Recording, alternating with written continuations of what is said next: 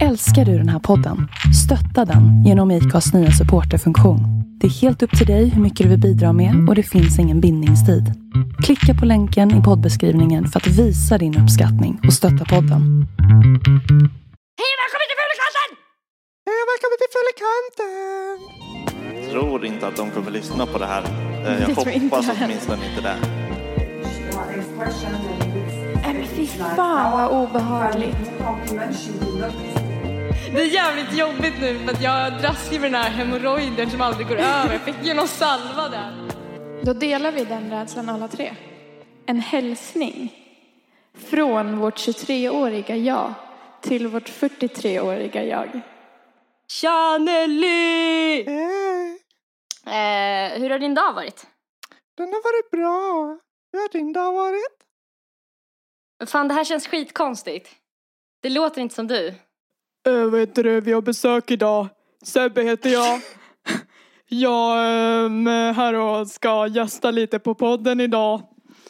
Har åkt Ah. hela vägen från äh, Västervik vet du. Bara för att hänga med er brudar en stund idag. Fan vad snällt och vad roligt. Vad speciella vi känner oss, eller hur Nelly? Ja. Nej Sebbe var lite så här, när ska jag gå out of character? Typ. Ja. Nej men eh, okej, vi, vi har en gäst idag. Och det är min, bara min, nej, nej, min kompis eh, Sebbe som jag har känt i fem år, kan det vara så? Jag sånt? tror att det kan till och med vara mer. Sen eh, kan det vara 2009, Mm. Tror jag. Ja, 2009, 2010 någon gång där. Ja, ja men Ja, det är fem, fem, sex år. fem, sex år ja. Precis. Jävlar. Wow, Och det- fan vad länge ni har känt varandra då. Coolt. Ja, Är ni bra sjukt. vänner eller? Nej men det roliga är ju nu att eh, Erika och Sebbe har inte pratat med varandra sedan jag lärde känna Sebbe, vilket är då fem, sex år sedan. Och nu pratar ni med varandra Ja. för första gången. Ja, Ja, det är helt sjukt. Och vet du, och sen så ser vi oss över Facetime också. Ja, vi har ju Facetime hörni. Precis. jag och Sebbe sitter i Borlänge och Erika sitter i Stockholm. Ja.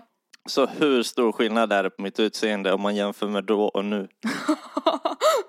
Men alltså det är väl ganska radikal skillnad skulle jag säga. Mm. Eh, för hade inte du, ja men just det, du hade ju typ som en liten eh, sån eh, ponytail. Eh, rastaflätor. Ja, ja. Ja! exakt. Rastaflätor hade jag nog på den tiden då.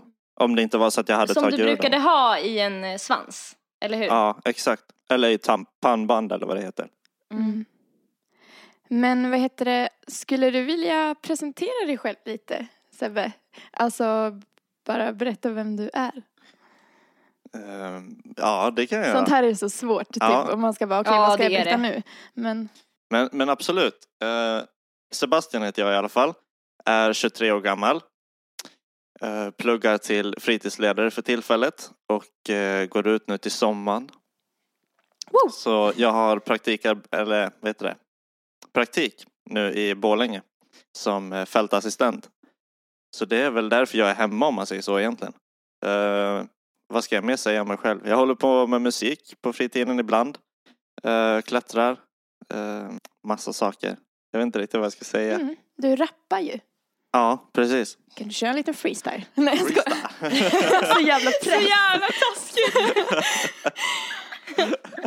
man är redan i en obekväm situation liksom, Ja. så ska man så här, pressa det ännu lite mer. Exakt. Ja, det kanske kommer mot slutet. Jag känner mig fan hedrad att Sebbe gör sin podcastdebut med oss. Det är fan kul. Oh yeah!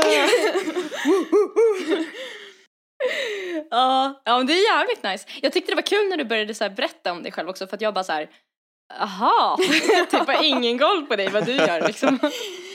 ja. Ja, det var kul. Ja, Kan du inte berätta någonting som du är rädd för? Eh, ja det kan jag göra. Jag, eh, det är lite komiskt. Jag är väldigt höjdrädd. Men eh, en av de sysslorna som jag gör på fritiden mest är att jag klättrar. Shit, men Ja. hur, hur fick du typ idén att börja med det? Eller var du rädd innan? Jag har nog varit höjdrädd hela livet. Jag kommer ihåg från när jag var liten och sånt och klättrade med pappa så var typ det värsta som fanns var att komma två meter ovanför liksom marken. Eh, och det är någonting som har funnits i familjen ända sedan jag var liten. Pappa är klättrare och brorsan håller på med klättring nu också. Och så. Jag visste inte att du var höjdrädd. Inte? Jag tror inte det. Då delar vi den rädslan alla tre. Ja. Ja. Jag har för mig att ni har sagt det i en tidigare podd, eller hur? Ja, Ja. Vi, jag tror vi pratade om fobier någon gång. Men eh, alltså jag undrar hur det går ihop. Att du typ bara säger okej nu ska jag göra det här trots att jag är rädd. Alltså är du fortfarande rädd typ när du klättrar? Ja, det värsta som finns är någonting som heter överhäng. När väggen lutar utåt alltså. Åh fy fan. Åh, Åh, fy shit. fan. Och man klättrar nästan som, alltså i lutning, att Ex- ryggen lutar nästan exakt. lite mer. Ner mot backen Oh, liksom. Ja. Eh, och Men samtid- då häng, alltså jag tänker att då, om man inte, om man tappar fotfästet då, då hänger man ju, alltså i händerna liksom. Det Ja. måste ju vara, Ja, det gör man. Hur fan kommer man tillbaka? alltså då är det ju bara att släppa typ väl? Nej, det handlar mycket om så här, bålstyrka och stabilitet i kroppen oftast. Eh, sen är det självklart att det är mycket teknik som spelar in samtidigt. Men eh, det värsta, eller det som är läskigast är nästan pendeln som blir. Med tanke på att topprepet sitter fast uppe i, i taket liksom. Och sen så när du Mm. tappar taget så blir det ju som en pendel ut ifrån väggen. Om ni är med på hur Jag jag förstår menar. inte varför man vill utsätta sig för sådana saker.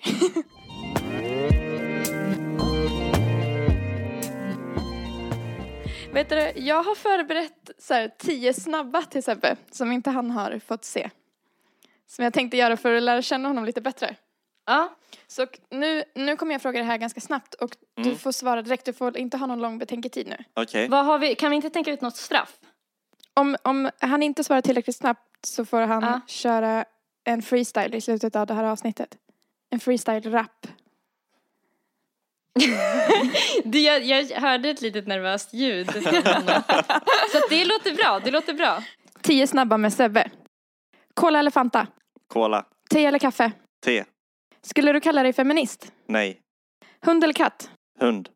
Ta en bärs med Carola Häggkvist eller ta en bärs med Markoolio? Markoolio. Podcast eller musik? Podcast. Dag eller natt? Dag. Skulle du kalla dig själv smart? Ja. Serier eller, serier eller film? Serie. Nelly eller, eller Erika? Erika. Va? Ja, det är bra, det är det. Ja, där, där var slutet på vår vänskap då. Nej då. Nej, men den sista frågan som jag fick där, det kan jag inte svara snabbt på egentligen. För att det känns ju som att jag känner dig Erika Det känns som att ungefär lika bra som jag känner Nelly. Bara för att vi pratar så mycket om, alltså, om dig samtidigt på något sätt. Om du förstår vad jag menar. Min ande är typ närvarande. Ja, Alltså jag pratar ju om dig eh, så som om du vore min pojkvän. Till mina kompisar. Åh. nej, men det blir, alltså, eftersom att ni umgås så mycket och eh, eftersom att jag och Nelly pratar så sällan så brukar ju våra samtal oftast bli ja, men en och en halv timme långa. Och när vi Mm. träffas så blir det så här, ja men jag och Erran vi gjorde det här och det här och jag och Erran, jag och Fast jag Erran. säger inte Erran längre. Nej, men, ja, Är jag fortfarande ärran för dig Sebbe? ja, det är du faktiskt. Ja. Ja. Vad, vad ska jag börja kalla dig istället? Vad spännande. Vad vill du ha för Den namn? finaste av dem alla. eh, nej men eh, alltså för att det, det, det är lite speciellt. Eh, eftersom jag kallades för ärran under gymnasiet och hela högstadiet och sen efter det så bara slutade det när jag Mm. flyttade efter gymnasiet. Och sen så började eh, folk kalla mig för alltså, mitt riktiga namn. Mm.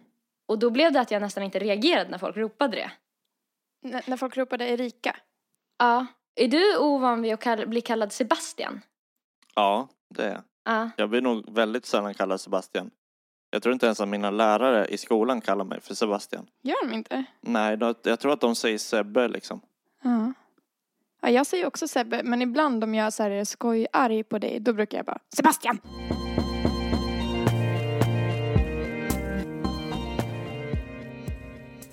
Häromdagen när jag träffade några vänner Mm. eh, så började vi prata om eh, gånger vi har ljugit. Mm. Kom, alltså finns det ta- eh, så här några gånger som ni har ljugit som kommer upp nu? Eh, Vilka tillfällen ljuger ni oftast då kanske? Så små ljuger ni ibland? Jag brukar dra vita lögner ganska ofta. Mm. Eller inte ofta, men jag tror att de, de personerna som jag har ljugit mest för är nog mina föräldrar. Mm, det är sant. Vad, kan du komma på något exempel? Ja, det kan jag göra. Jag tror inte att de kommer lyssna på det här. Eh, Jag Det tror inte hoppas jag heller. åtminstone inte det. Men eh, om de gör det så vet jag att de kommer bli väldigt arga. Men då får de bli det helt enkelt. Jag Eh, kan vittna om att eh, du ser lite eh, svettig ut nu för de som inte ser. Du skruvar lite på dig. Ja, under, eh, under högstadiet så rökte jag och snusade ganska mycket, ganska flitigt I, i, i typ så här två år. Men eh, jag tror inte att min mamma och pappa kom på mig. Jag vet att jag ljög många gånger om att jag hade varit med kompisar som hade rökt ifall att jag Mm. luktade rök. Mm. Det där har man ju dragit, alltså så många gånger. Mamma, om du lyssnar nu. Jag rökte lite, ganska mycket i gymnasiet. Och min jacka stank ju rök jättemånga gånger. Så att, och mamma frågade ibland och jag bara, nej men mina kompisar röker, det sätter sig i min jacka också. Och jag, alltså det kändes som att hon trodde på mig. Men jag vet inte om hon bara spelade med. För att så här, slippa drama. Hur tror ni att de tänker när de, alltså finns det någon slags, eh, alltså hur resonerar man när man väljer så här, okej ska jag ta en strid om det här eller ska jag bara typ låta det passera? Ja, om jag får börja så tror jag att eh, man som förälder oftast gärna blundar för det. Även Ja. fast man gärna har bevisen framför sig att ja, men, så här är det faktiskt. Så vill man gärna bara titta åt andra hållet och tänka att eh, det är inte mina barn. De Mm. skulle aldrig göra det. Mm. Men tror du man så här, lurar sig själv nästan då? Det tror jag också. Ja, det tror jag. Kan det vara typ så här också att man försöker eh, locka fram ett bättre beteende genom att, eller så här, för att när jag skaffade hund Mm. så var det jävligt mycket så här inriktning på att man ska inte straffa utan man ska så här, bara ignorera när det är fel och uppskatta när det är bra. Mm. Det är kul att du jämför barnuppfostran med hund. Barn och hund. Men eh, jag tänker att de så gärna vill att man ska berätta för dem när det händer saker, alltså när man har gjort något fel. Mm. Så att de typ försöker Fast nu, nu får ju vi det att låta som att alla våra föräldrar har varit helgon och alltid blundat och bara ja okej, nej. Mm. De har ju Mm. blivit arga också, sjukt mycket. Det Mm. måste väl era också ha blivit på er? Ja, verkligen. Väldigt många gånger. Mm. Men vad drar man för vita lögner i nutid då? Alltså, för jag vet att jag ofta småljuger lite. Men Mm. just nu står det typ still. Men det är ju ofta man så här, ljuger för folk om man träffar någon som man inte känner så jättebra. Och de Ja. så här, ah, typ hur är läget, vad är du nu för tiden? Och då typ låtsas man, låtsas man ju som att man kanske har ett, eller jag låtsas som att jag har kanske ett bättre liv än vad jag har. Typ Ja, jag bara- blev precis signad här av Nej, inte så illa. Men typ bara, nej men jag jobbar ju, jag jobbar på det här och det här stället nu. Fast man kanske inte har jobbat på typ tre veckor. Och bara, Ja, ah, jo men jag mår jättebra. Så här, inom parentes, Mm. jag har legat inne de senaste tre veckorna. Så här, typ sådana grejer ljuger man ju ofta om. mm. Mm. Mm, Jag tänker också det, att man säger så här när någon bara Tjena, läget? Mm. Man bara, bra! Eller, nej. Men alltså sådana gånger när folk så här frågar i farten, tja hur är läget? Det är ju typ en artighetsfras. De vill ju inte höra så här, hur man Nej. egentligen mår. Det är inte som att man bara skulle kunna så här, nej vet du, det är lite tufft nu. Det är det här är jobbigt och det här är jobbigt och det här och på inte tal om det här och så här, alltså verkligen det, Vad heter det här man kan få om man sitter för mycket? Sittsår eller vadå? Nej, det här man kan få typ i analen. va? Va? Vad fan heter det? Tänker du på typ så här hemorrojder eller något sånt där? Ja, precis! Att man bara börjar liksom... Det är jävligt jobbigt nu för att jag dras ju med den här hemorrojden som aldrig går över. Jag fick ju någon salva där men... Men är inte det när typ man tar i så mycket när man skiter att en bit av tarmen åker ut? Va? Nej. Eller är det någonting hemorrojder är väl typ när man har så här fickor i tarmen, är det inte? Jag har, jag har fattat att det är någonting som man får av att sitta mycket för att min kompis, förlåt nu om du lyssnar, eh, men hon jobbade på ett jobb där man satt jävligt mycket Mm. hela dagarna på ett kontor. Mm. Eh, och då hände det. Jag har en kompis som sa den grejen. Jag läste det på hennes Twitter. Att eh, hon hade varit på apoteket och sprungit Ja. in i en gammal klasskompis. Och bara, hej, typ så här, ah, vad gör du här? Hon bara, Nej, jag ska köpa lite hemorrojdsalva. Hej då. så jävla skön. Alltså så där vill jag typ vara mer. Mm. Bara säga så här Mm. awkward grejer och bara hej då. ha det bra. Ja men speciellt när man, ja precis. Inte skämmas så himla mycket. Hemorrojder är ett vanligt men oftast ofarligt besvär. Det innebär att analkuddarna, som är små kuddar av bindväv och blodkärl i analkanalen, blir förstorade. Det kan blöda, orsaka klåda och svida runt ändtarmsöppningen. Det kan läcka lite av slem eller avföring och du känner något som buktar ut vid ändtarmsöppningen. Hemorrojder går ofta tillbaka av sig själv utan någon behandling. Då hade vi alla fel på Ja. vad det var. Väldigt. Fan, alltså vi kan verkligen inte hålla ett avsnitt utan att prata om antingen döden eller bajs. Typ. eller så här äckelgrejer. Skabb. ja, och så vidare. Du Sebbe, Ja, Nelly. den här bajshistorien du berättade för mig igår. kan inte du ta den? Ah, Den här nej. dejten. Alltså det här blir jag Ah. så varm inombords. Ah shit, nu vart jag verkligen varm här. Jag ser hur du blev. Jag har ju eh, mitt ljudspår, eh, det har färgen röd. Ja. Och eh, jag har er eh, precis under ljudspåret så att jag ser, såg hur hans ansiktsfärg började matcha det röda på skärmen bakom. Ja, jag förstår det. Alltså jag vet ju inte riktigt om jag vill säga det här eller inte. Gör så här, börja berätta och sen får du se hur det kändes efteråt och sen klipper vi inte bort ifall du vill det. Sneaky. Så här var det. Eh, jag hade bestämt att en dejt med eh, en tjej. Och eh, vi skulle gå ut och äta. Och var liksom lagom nervös som man brukar bli. Så och hade gått och varit där liksom hela dagen. Så var jag ändå liksom taggad.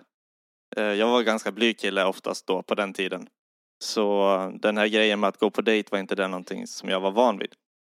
Men eh, det vart i alla fall kväll och vi hade bestämt att vi skulle gå och käka på ett ställe i stan. Och eh, jag eh, var redan innan ganska dålig i magen eh, när jag åkte hemifrån.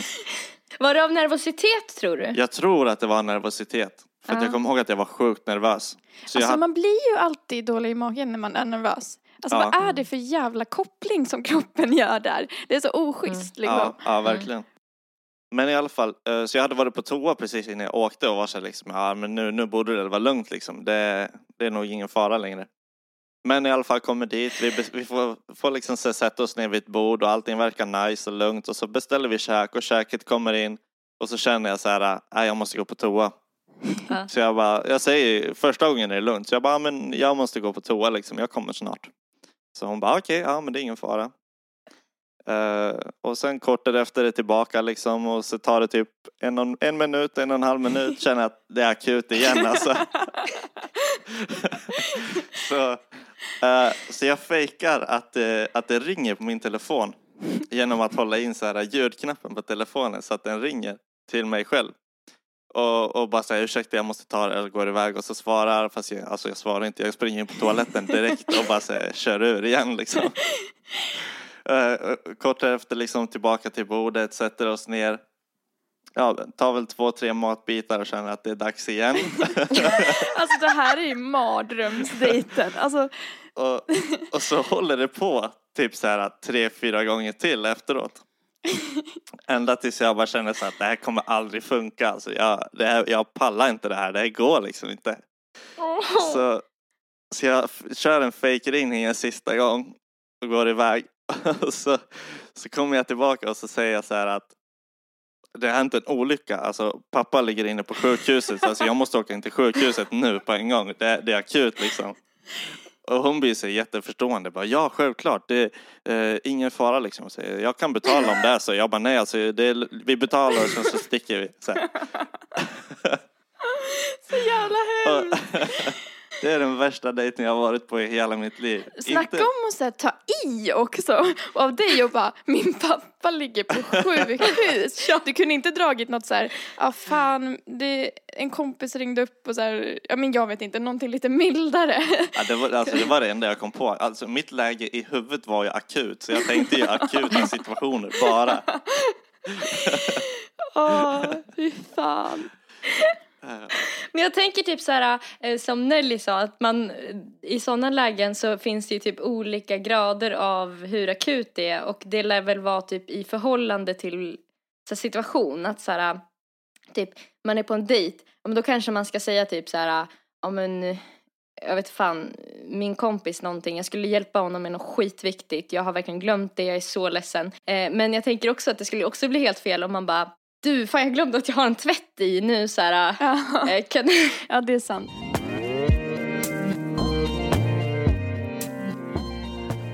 Jag tänkte så här, nu när Nelly har hängt ut mig lite om en jobbig situation så har hon en situation att berätta om när vi lärde känna varandra. Så uh, varsågod, it's all yours. Men fan har inte jag delat tillräckligt många bajshistorier i den här podden? fan folk kommer ju tro att jag inte gör något annat än att bajsa på mig. Payback time. Igår när jag och Sebbe snackade i telefon så avslöjade jag en hemlis som jag hade haft för honom i fem års tid. vissa kompisar kan man inte prata bajsgrejer med och vissa kan man Ja. göra det med och den gränsen töjde vi på igår. Precis när jag och Sebbe hade lärt känna varandra så hade vi hängt eh, hemma hos hans pappa. Vi bodde hemma då. Och eh, jag känner att jag börjar bli riktigt dålig i magen. Eh, och bara shit, jag måste verkligen springa på toa så här. Så jag bara eh, sitter och håller på det ett tag och sen så bara säger jag så här, ah, nej men jag ska bara gå på toa. Eh, Sebbe bara, ah, eh, jag ska också gå på toa men du kan gå först. och jag bara, eh, eh, nej alltså. För att jag skulle ju bajsa och jag, då vill ju kanske inte jag att han ska gå in på toaletten direkt efter. Ja. Så jag bara, nej men eh, gå du först så här, jag kan, jag kan vänta lite. Och Sebbe bara, nej men det är lugnt så här, du kan gå först. Jag bara, vad fan så här. Ja ja, så då gick jag in på toaletten och typ låtsades gå på toa och så här, eh, fortsatte hålla mig och han gick på toa och sen så typ försökte jag verkligen så här härda ut och tänkte så här, men det, fan det kanske går över efter ett tag typ. Och så började jag lite smått säga så här, fan jag har jätteont i magen, jag vet inte vad det är. Och så bara, jaha men typ mår du bra? Jag bara, ja, ja jag vet inte, jag, jag har jätteont i magen i alla fall så här. Och jag hade hållit mig så länge att jag började så här skaka du vet så här när man har hållit sig så här, Var det för att alla muskler jobbade för att hålla inne? Ja, exakt. Och då kände jag så här, det här är riktigt illa, jag måste, det kommer, alltså jag måste typ hem och jag kan inte göra det här här. typ, så jag bara, alltså, åh, jag har jätteont i magen, skulle, skulle du kunna skjutsa hem mig? Och Sebbe bara, eh, ja visst, men fan mår du bra? Jag kanske ska skjutsa dig till akuten om du har så ont i magen. och jag bara, jag behöver bara bajsa så här. Jag bara, nej men det är lugnt, skjutsa hem mig du så här, så kan vi höra sen så här. Så typ i bilen på vägen hem till mig, alltså då var det så illa att jag bara, jag skiter på mig nu. Jag kommer bajsa på mig i hans bil här och nu. Alltså, jag, bara, jag bara kände hur svetten bara typ började rinna. Och så, rå, så råkade jag så här, fisa i bilen. Och bara typ skynda mig och veva ner rutan och Sebbe bara typ, vad gör du? Jag bara, eh, nej alltså shit, jag behöver lite frisk luft. Bara, bara, alltså det var sån kaos. Och sen när jag, när jag skulle in så Sebbe bara, ja men vill du att jag ska följa med dig in så här ifall att du kanske behöver skjuts till akuten om det inte går över och så här. Jag bara, nej nej nej typ, det är lugnt så här. Jag, jag, jag ska bara gå in typ, jag hör av mig om det blir värre så här. Och så, så här sprang jag in, typ sprang förbi mamma in på toaletten och bara, Åh! Alltså det, det där är den värsta gången jag någonsin har haft i att känna så här, jag bajsar på mig nu. och jag tog upp det igår så här, med Sebbe och Sebbe bara, men va? Men åh, hur kunde jag inte fatta? För han trodde, för jag bara, fattade du att jag verkligen bara behövde bajsa eller trodde du att jag hade ont i magen? Och du bara, Ja, jag trodde verkligen att det var så illa, alltså att du typ hade så här, blindtarmen hade akut gått liksom. Och så här, bara så här, bara, wow, har man så jävla ont i magen alltså shit. Ja. Eh, Det, det är fan ett bevis på att jag är rätt bra på att ljuga. Ja, snacka om vit lögn.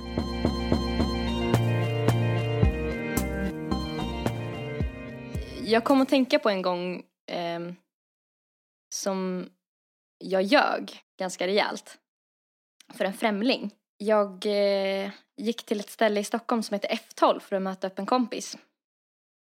Och eh, eh, väl på det stället så köpte jag en drink och tänkte så här, det här kan bli lite trevligt, drog ut väldigt sent så här. Eh, så att min kompis han behövde ju dra för att han skulle upp tidigt. Vilket jag inte riktigt hade koll på för att min telefon hade dött innan och, och skit. Eh, men eh, när jag väl är där så är jag ändå på sånt parthumör. Så jag tänkte så här eh, att, jo men det är klart jag kan vara ute själv. Eller så här, Mm folk på filmer gör ju det typ. Mm. och så tänkte jag typ så här, jag ska lära känna nya människor. Mm. Så då träffade jag på en tjej som jag tycker var skön. Hon verkade ha roliga kompisar. Började prata lite med henne så här. Eh, och jag känner mig så himla typ malplacerad. Så jag gör typ det värsta man kan göra. Jag frågar den här tjejen. Mina vänner har dragit så här. "F- Får jag hänga med er? Till någon random. Ja. Och eh, hon bara, eh, ja, gör det. Eller typ jag bara så här, ni verkar så himla sköna. typ så här. Är i något så här konstigt mode. Och det känns också lite så här patetiskt, ni vet. Så här. Mm. Fast nej, jag tycker typ att det är modigt. Alltså, Ja, jo men du har rätt, du har rätt i det. Men sen när man känner att man inte kan göra det all fullt ut så känner man sig bara fel typ. Och eh, så det slutar med att jag känner mig så utanför så att jag sakta smyger därifrån. eh, hon måste ju tyckt att det var skit weird liksom så här, får jag hänga med och sen bara ta min drink och bara va? Ja. Eh, så jag, men, men jag har fortfarande inte druckit upp det här, den här skitdyra drinken och tänker så här, jo men jag kan ha kul själv, jag kan ha kul själv. Så här. Ska lyssna på lite skön musik, så här, stå och digga lite i något hörn. Så kommer det fram en kille. Jag kände väl ganska så direkt att jag kanske inte var speciellt intresserad eh, på något sånt, sånt plan. Mm. Jag tror kanske också jag träffade någon annan då som jag tyckte om. Mm. Eh, Men han började prata lite och bara, ja men vad sysslar du med då? Eh, går du hit ofta? Ja, Mm. och allt vad man säger. Och jag bara, nej men jag jobbar. Och han bara, vad, vadå? Just nu så här. Ja, Jag bara, jag bara, ja. Just nu. Och han bara, vadå, vad jobbar du med? Så här. Jag, bara, jag, jag är statist. Här. eh, På stället? Ja, och, ehm, och han bara, men vadå, jobbar du här? Vadå som statist? Alltså är du typ skådespelare? Så här, jag, Ja. jag bara, ja, ja nej, men du vet ju att alla större ställen i Stockholm eh, har sånt här. Visste du inte det typ? Ja. Ja, och han bara, alltså va? Och så bara, jag visste det! Nej! Jag visste att det var något sånt. Jag alltid, alltså jag, jag, jag kände det på mig alltså att det var något sånt. Alltså för vissa ser så jävla så här coola ut och typ, alltså man kan ju tro att det är så här. Och jag bara, ja, ja, ja, nej men det, jag jobbar på ett be- bemanningsföretag så här. Eh, vi åker ut så här på, på helgerna och, och så placerar de ut oss i Stockholm så här på strategiska platser typ. Och eh, ja, vi, vi brukar gå hit i olika grupper. Vi är typ fem stycken i min grupp. Ja, du vet vi kan inte komma i för, för stora grupper för då skulle det bli för obvious. Mm. Så att eh, vi har ju tidsscheman då så här. Att eh, ja men några kommer hit vid halv tio, några kommer vid halv elva och sen kommer resten vid tolv så här. Och ser du han där borta som går upp för trappan där i röd skjorta? Han är ju i min grupp. Eh, Alltså fan vad sjuk du är! Varför, varför gjorde du det? och han bara köper det här med hull och hår. Men jag var så uttråkad Ja. på något sätt. Och så tänkte jag så här, hur kan jag göra den här kvällen lite rolig typ? Mm. Ja men Och det var fan, också lite fan lustigt att jag var helt själv och stod och gjorde det här. Ja, men det slutade i alla fall med att han blev så himla typ nyfiken och taggad på det här. Mm. Eh, så att han bara, men vadå kan du inte fi- fixa, fixa in mig typ? Jag skulle jättegärna vilja jobba med det här. Så jag bara, nej men det är bara att du mejlar till eh, den här mejlen här. ehm, Va? och sen så skriver du, skicka ett personligt brev och sådär. Du verkar ju asskön så du kommer säkert få jobb alltså. Så. Nej, fan vad taskigt! Vadå, gav du honom en riktig mail? Ja. Alltså, fy fan Wow. vad taskigt. Nej men jag gav honom mejlen till stället. Deras Fatta officiella dem då mejl. när de får ett mail av honom. Och bara, va? Han vill söka så här som jobb som klubbgäst. Och gå dit och dricka gratis och ha kul. Bara. Och få betalt för det samtidigt liksom. Alltså, klubbar gör ju så fast med kända personer. Fast grejen är ju den att det skulle inte förvåna mig om vissa klubbar faktiskt anställer alltså snygga tjejer och snygga killar Mm. för att locka dit fler folk. Det tror jag också, Mm. också så här nyöppnade ställen. Ja, Mm. Ja. Att de kanske får dricka gratis eller någonting. Ja. Om ni vet om det här finns så kan ju ni hashtagga fulikanten. Ja. Eller så kan ni skriva till oss på vår Facebook-sida fulikanten.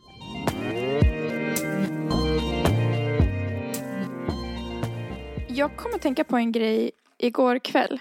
Vore det inte skitkul att ge oss själva en hälsning från vårt 23-åriga jag till vårt 43-åriga jag? Och så- ja. För då kommer vi glömma bort det så småningom. Och sen om vi skulle råka klicka in oss på det här när vi är i 40-årsåldern så kommer det en hälsning till vårt framtida jag. Vad skulle du, Erika, vilja säga till ditt 43-åriga jag? Ska jag berätta hur jag tänker? Ja. Eh, jag tänker så här att det skulle vara lätt. En självklar klar väg att gå är ju att börja prata om så här, eh, sina drömmar och allt man hoppas att man har nu Mm, när man hör det här. mm, Men jag tycker att det är mycket smartare att påminna sig själv om saker som man hoppas att man inte har glömt. Det är så jävla sant. För jag tänkte också så direkt. Men då kommer man ju bli besviken om man hör att jag har inte uppfyllt mitt 23-åriga jags drömmar. Jag har liksom svikit eh, 23-åringen. Ja. Fast jag tänker att det inte finns något sånt här. Utan att det är liksom, livet händer ju också. Ja, så är det ju. Hur tror ni att ert liv ser ut när ni är 43? Vad hoppas, vad hoppas ni på? Hur hoppas ni att ert liv ser ut? jag hoppas att eh, när jag är 43 att jag har eh, två barn, en fru i alla fall först och främst. Jag hoppas att jag har ett jobb som jag trivs att gå till. Att jag inte vaknar på morgonen och tänker fy fan, en till dag på jobbet. Jag är så jävla less på det här egentligen. Mm. Att, eh, utan jag vill känna en glädje när jag vaknar. Kanske inte varje morgon men att man ändå känner att det här eh, kan bli en väldigt bra dag liksom. Mm. Jag, jag tycker om mitt liv just nu. Och sen så hoppas jag att, eh, att jag har båda mina föräldrar kvar i livet och min bror. Mm. Åh, vad fint. Nej, nu försvann Erika. Bra, då får vi lite egen tid. Jaha, Ja, hallå på den. Sebbe, Mm. vad tycker du om Erika egentligen? Jag tycker hon är snäll. En bitch. Ja, det tycker Ja. jag med. Ja. Nej, men vet du, det det tyckte jag var väldigt fint tänkt av dig Sebbe. Tack så mycket. Jag tänker också i liknande banor. Och jag hoppas verkligen att när jag är 43 att jag inte har tappat min barnsliga sida. Att jag fortfarande har humor och typ fortfarande vågar pröva nya saker. Och om inte så Nelly 43 år, nu ser det till att gå ut och testa någonting nytt för att det är inte för sent bara för att du är 43. Livet har fan bara börjat. Hur tänker du att ditt liv ser ut om, när du är 43? Jag hoppas och tror att jag fortfarande kommer hålla på med musik. Mm, Och att jag på något sätt kommer jobba med musik. jag med. Jag hoppas att jag delar mitt liv med en människa som, eh, som förstår mig. Mm, Och som jag förstår. Och som jag vill lära känna mer varje dag. mm. Och sen kan vi, eh, om, om, han, om han finns nu då, nu när jag lyssnar på det här. Åh gud vad sjukt att tänka så. Ja. Eh, Jag vill, jag vill nog kanske eh, hälsa till min förhoppningsvis framtida familj att vi verkligen ska ta hand om varandra och att vi ska ge varandra tid. Mm, Och att man inte ska glömma bort att liksom vi lever på lånad tid. Att man ändå ska prioritera att jag, att vi, Mm. ändå ska prioritera varandra framför kanske andra saker. För i slutändan så är det det som spelar mest roll. ja. Fan vad vad sjukt det blir att tänka så här. Nu kanske jag, min man och mina barn sitter och lyssnar på det här. Eller så här, Tillsammans. det finns liksom, alltså möjligheterna är oändliga. Ja. Om vi, om vi säger att jag skulle ha två barn och, och så och sitter och lyssnar på det här, eller ett barn, Mm. eller fem, det vet man aldrig. Nej. Så skulle jag nog också vilja säga att eh, även om, om jag kan vara som vilken förälder som helst som kanske ibland skriker eller, eller ja, är liksom bråkig på så sätt, blir irriterad som man kan bli som förälder så, så älskar jag fortfarande pappa er mer än någonting annat. Jag skulle vilja säga till mina framtida barn att jag längtar efter er redan nu. Som 23 och jag ser verkligen fram, alltså när ni kommer till mitt liv, det kommer vara den lyckligaste dagen någonsin. Och så ska ni fan veta att er morsa var jävligt cool när hon var 23. Det kan jag faktiskt intyga. yes! Jag fick en sån obehagskänsla som jag bara måste prata ut om nu på en gång. Vadå? Eller så här, det känns som att jag behöver säga det för att ehm, jag, annars kommer jag sitta på det här själv. Mm. Ehm, jag tänkte på om jag inte längre lever när jag skulle varit 43. Ja. Eh, Mm. så skulle jag nog vilja säga till alla människor som jag har älskat att eh, eh, de inte ska sluta typ leva sina liv bara för att jag inte längre finns. Och att Men nej, Eh, sluta. de ska typ så här följa sina drömmar. Mm. Jag tänker så här direkt när du säger så. Är det för att du just nu verkligen följer dina drömmar? För att jag har fått en känsla av att du verkligen har tagit steget ut ur den här lilla vardagsbubblan som vi flesta lever i och liksom satsade allt, åkte till Stockholm och liksom nu ska jag leva min dröm, i alla fall försöka. Mm. Jag håller med. Men eh, jag måste, i så fall måste jag säga att eh, för jag pratade med en kompis, en nära vän, eh, för några dagar sedan som hade pratat med en nära vän som inte jag står så nära Mm. om hur hon såg mig. Eh, för att vi har inte, vi är nog på många sätt ganska lika, jag och den här eh, tredje personen. Eh, men vi har inte riktigt nått fram till varandra. Mm. Och då min, min nära vän trodde att det kanske eventuellt berodde på att den här personen skräms lite av att den tror att jag är så himla modig.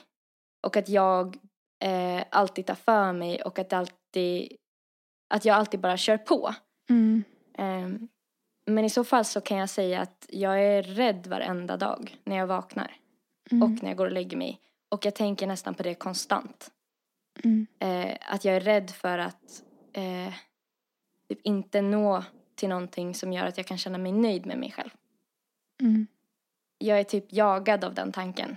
Och det är nog Mm. en av mina största problem i vardagen. Så att jag kanske till viss del kör på men sen så är det också typ så att jag har sjukt mycket så här motstånd i mig också. Mm. Eh. Det, vet, det vet ju jag. Jag vet ju om det redan. Ja. Eh, Jag känner mig Mm. ofta liksom eh, eh, tillbakahållen och det kanske var därför jag sa det egentligen mer än att, att jag verkligen följer dem själv utan jag mer kanske min högsta önskan är nog kanske inte att jag ska uppfylla mina drömmar utan mer att jag verkligen ska våga försöka för att jag känner mig ofta lite feg. mm. Ta risken liksom. Precis. Och ja, Mm. det kanske är mer därför. Jag tänkte på en sak också. Berättade ni vart ni hoppades på att ni skulle vara när ni är 43? Eller var det bara jag som sa det? Jag, jag gav bara ut en massa hälsningar. Så att dina Shout barn out. skulle veta att du är cool typ. ja. Nej men jag hoppas väl att jag Jag hoppas att jag lever med någon också som ger mig allt jag behöver. Som ser mig och lyssnar på mig. Och eh, som också jag ger allt den behöver. Och så hoppas jag också att jag fortfarande håller på med musik på ett eller annat sätt. Att jag inte har gett upp det. Även om jag kanske inte lyckas så hoppas jag fortfarande att jag har kvar musiken. På något sätt. Och sen 43. Eh, då hoppas jag att jag har barn också. Och att jag har kommit till ro med mig själv. Att jag har tagit tag i mina demoner lite bättre och känner mig tillfreds. När vi ändå pratade om rädslor. Mm. Eh, en, en del i, i min rädsla när det gäller att kämpa för saker som jag vill ha Mm. eh, handlar till stor del om jag lyckas nå mina mål så är jag rädd för att jag fortfarande kommer känna mig tom på insidan.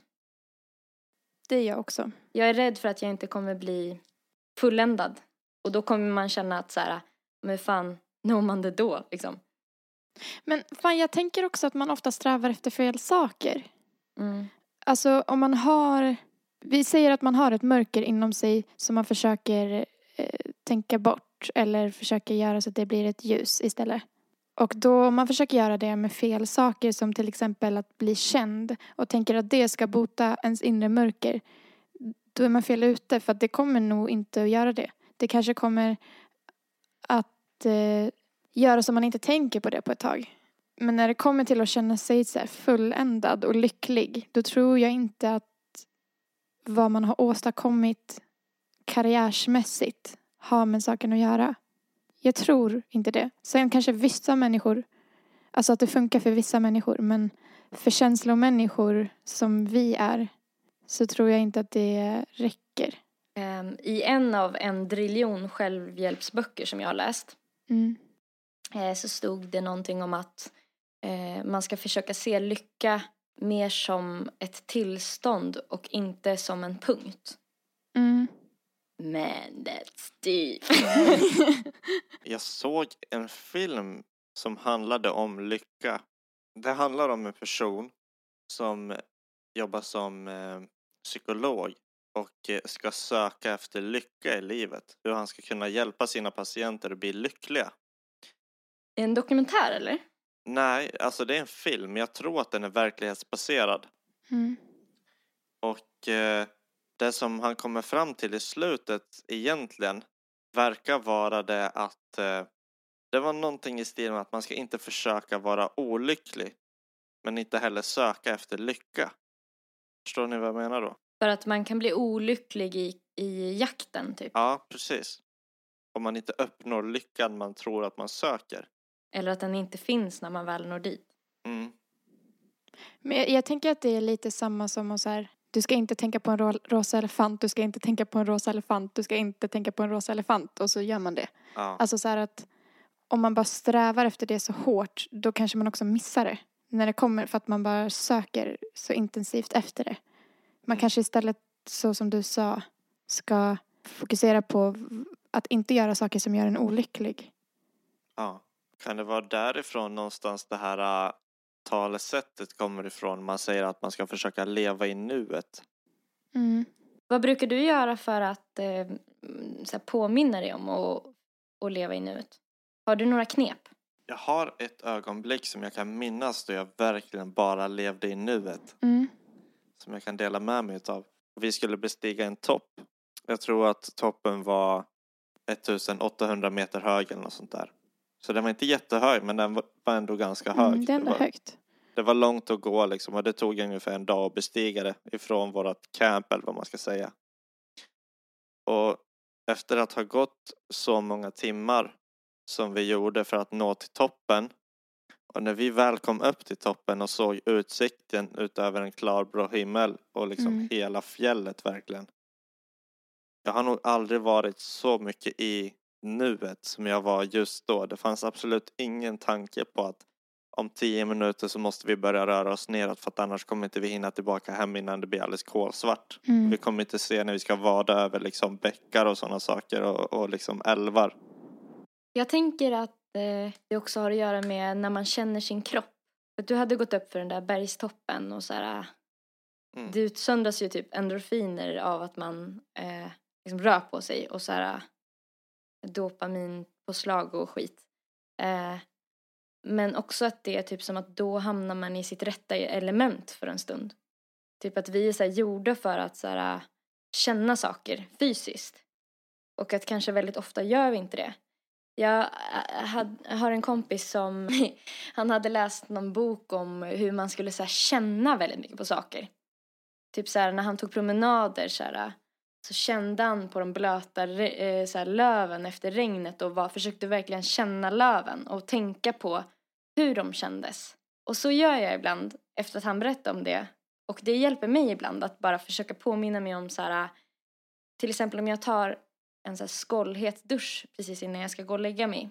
Och då brukar jag verkligen så här, försöka känna hur skönt det är i kroppen. Alltså verkligen försöka känna typ hur så här, vattnet eh, så här, silar ner för kroppen och var och hur och sen kanske man har en, en duschkräm som luktar typ eh, blåbär och sen typ blundar jag och verkligen försöker känna typ blåbärslukten och typ hur underbar den är.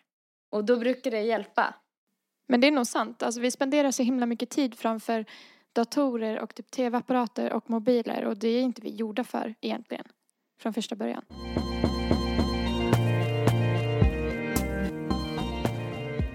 Jag tänkte att jag skulle visa er en grej. Mm. Ser inte så jävla rädda ut. det här är för sig lite farligt. Det ni ska få se. Vad? Eh, men det är en tjej som har gjort en video till eh, en låt med Adele.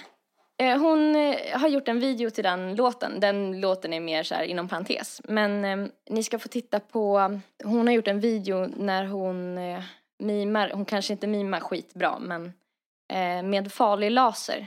Jag sätter bara igång så får ni se. Är hon gammal? Är det en farlig laser? Jag fattar ingenting. Nej men hon eh, är med i ett forskningsprojekt och de jobbar med det här. Och eh, här är det en annan forskare som intervjuar den här kvinnan. You are a dummy. I don't not know if I am a dummy or not. You are horrible. No, are you? Det är en robot. You are boring. What? Maybe, but I won the Loebner Prize. Ah, Ä- är det en robot? Tell är det känslor till musiken hon So you illustrerar? see, she becomes bad tempered. Yeah. She, her expression and moods is Nej, men very fy nice. fan, vad Now, obehagligt. If I do compliments, she will not be so happy. You are a nice person. I am a robot. What is your job? I am a social companion. I can speak with emotions and I can recognize people. What? Nej fy fan Do vad you have obehagligt. emotions? I am programmed to stimulate a full range of human emotions. Do you have a husband? Hon såg så jävla mänsklig ut. Den sociala roboten Nadine ska hålla folk sällskap. Att robotar är på väg att ta över i arbetslivet är ingen nyhet. Men att det även kan ta över våra sociala liv i framtiden talas det desto mindre om. Nu har det tekniska universitetet i Nanyang i Singapore offentliggjort en robot med huvudsyfte att hålla just människor sällskap. Roboten som heter Nadine kan både lära sig känna igen människor, memorera deras namn, konversera och komma ihåg samtal de haft med olika människor tidigare. Nadine har även olika slags humör, vilket påverkas av vad man pratar om med henne. Jag är inte förvånad. Alltså jag tycker att det är obehagligt det här med robotar. Jag... Det finns ju så mycket filmer om just det här med robotar som tar över och förstör halva världen och utplånar och liksom jag litar inte på robotar bara helt enkelt. Nej, inte jag heller. Det är maskiner och som maskiner, de går sönder och det blir fel och det blir katastrof. Mm. Jag är mycket skeptisk. Alltså, vad känner du då, Erika? När jag ser det här, Ja, Får jag bara säga en sak? Avbryta och säga en sak. Jag tycker det är så jävla nice med en kille som frågar så här. Hur känns det här för dig? Vad känner du när du ser som det här? eh, utgår ifrån känslor Ja, som källa typ. ja, Ja. Det är inte speciellt vanligt. nej. Det är nice för att många killar känns det som skulle börja prata om den här roboten och vad den skulle kunna göra och vad man skulle kunna bygga med den. Typ. ja, ja Det är jag verkligen förstår. sant. Mm, jag förstår. Eh, nej, men alltså jag är ganska mållös efter att ha sett det här. Jag ville ju som sagt lura er och titta efter någonting annat först när ni såg henne. Jag undrade vad det var med lasern. Eh, för att jag ville inte att ni direkt skulle tänka det här är en robot. Så här. nej. Hon såg ju sjukt verklig ut. Mm. Och det är när hon börjar röra sig som det är lite ryckigt och grejer. Ja men det var det jag tyckte såg så jävla creepy ut. Att det såg ut som att hon hade typ en psykos. Mm. Ja. Jag vet inte om ni uppfattade det i eh, klippet jag visade med intervjun. Men de har liksom programmerat henne att uppfatta otrevligheter. Känslor. Ja, och hon blir också glad när man pratar om glada saker. Fan vad sjukt. Men vad vill de, kommer det fram vad de vill ha det här till? Eh, den här roboten jobbar som receptionist eh, Va? mm, på ett universitet. Alltså det är så jävla sjukt att teknologin har kommit så långt att man kan göra robotar som ser ut som människor och beter sig som människor och har känslor. Jag tycker, jag tycker, fan, jag tycker att det är obehagligt. Det blir ju mer och mer också. Jag känner inte att jag kan lita på den här roboten. En annan grej som jag hittade häromdagen, lite på samma tema. Forskare lär datorer känna igen sarkasm på Twitter. Att algoritmer har problem att förstå sarkasm har varit på tapeten tidigare. Inte minst i samband med den amerikanska valrörelsen där eh, analysalgoritmer felaktigt retweetat sarkastiska inlägg på Twitter som snarare hånat än stöttat det budskap man vill få ut. Men nu har forskare vid Cambridge Mellon-universitetet satt tänderna i saken och funnit en metod som ska göra att även en dator förstår sarkasm på Twitter när eh, den exponeras för det. Nyckeln är att sätta tweetsen i ett sammanhang. Därför analyserar forskarnas algoritm inte bara den aktuella tweeten utan även tidigare tweets. Dessutom använder man sig av data om personen som retweetat, liksom information om vilka som följer vederbörande genom att använda all information har man lyckats nå en träffsäkerhet på 85 procent. Jag började bara spinna iväg och så tänkte jag så här att om man skulle sätta ihop den här nya tekniken med den här roboten. Mm. Alltså det skulle ju närma sig en människa. Ja, verkligen. Jag blir nyfiken och rädd på samma gång. Men varför, varför tror ni att många människor känner sig hotade av det här? Alltså folk, jag, jag kan berätta om en historia. Eh, I eh, byn som min morfar kom ifrån, hans pappa var den första i den byn att ha bil, men också radio. Mm. Och eh, när han skaffade sin första radioapparat, det här var långt upp i Norrland och antagligen i början av 1900-talet skulle jag tro, i slutet på ja, 1900-talet. Eh, då trodde folk att han eh, tog in djävulen på sin maskin. Kan det vara det som händer i oss när vi ser det här? Mm. Mycket möjligt. Ja. Verkligen. Alltså någonting man inte har vetskap om eller känner till skrämmer en. Liksom. Det är Ja. nytt. Och då reagerar man med rädsla för att försvara sig själv. Tänk om vi alla kommer ha varsin robotkompis i framtiden och så kommer vi skratta åt så här. ja, de där gamla dinosaurierna som är rädda för robotar. Man kanske gifter sig med en robot. Det kanske är den som kommer lyssna på det här och inte förstå ironin. Kanske blir lite svartsjuk när vi kommer till den här delen i podden. Så här, och Ja, bara, ja. Men vad fan pratar ni? Men jävla rasist! Det kommer bli att man blir rasist så här mot robotar. Jag undrar vad det kommer heta. För det måste ju få ett eget namn när man, alltså när man skiljer på människa och robot då Ja. och inte Ja. etnicitet. Ja, Robotist. det, robot blir ett Robotism, skällsord. liksom. Ja.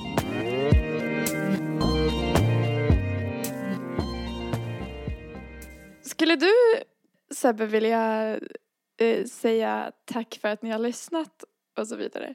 Det skulle jag kunna En göra. avslutning. Ja, gör det.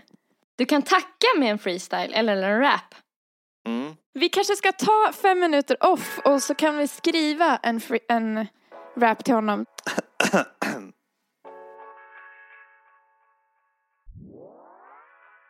Då var det dags för avslut och summering av det hela. Men har några saker kvar som jag skulle vilja dela. Så om ni vill höra mera av det eran leverera Kolla Zebra Track på Soundcloud och Instagram för bilder. Namnet är detsamma men innehållet annat. Zebra Track stavas med C. Då var det dags att presentera nästa stjärna här i ligan. Nelly Malou Som ni hittar lätt på Soundclouds sida. Men om ni tror att hon är söt och hellre vill se bilder Hittas de hos Nellpan på Instagram. Hashtag nofilter Namnet lär bli okänt men titeln blir densamma Curly Kid på Instagram, välkommen att subscriba Här ser ni vad jag gör, hur jag ser ut eller tabbar Låt oss nu få tacka för den tiden ni har stannat Yeah, bror! Okej. Tack för att ni lyssnade. Tack för och att jag ni hoppas lyssnade. vi hörs nästa vecka. Och eh, jag kommer fortfarande att vara i Vietnam då. Som jag är just nu. Mm, just det, det här är förinspelat för Erika är i Vietnam nu. Ha det så jävla bra nu! Ha det bra! Tack Puss och kram. Hej då! Puss och kram!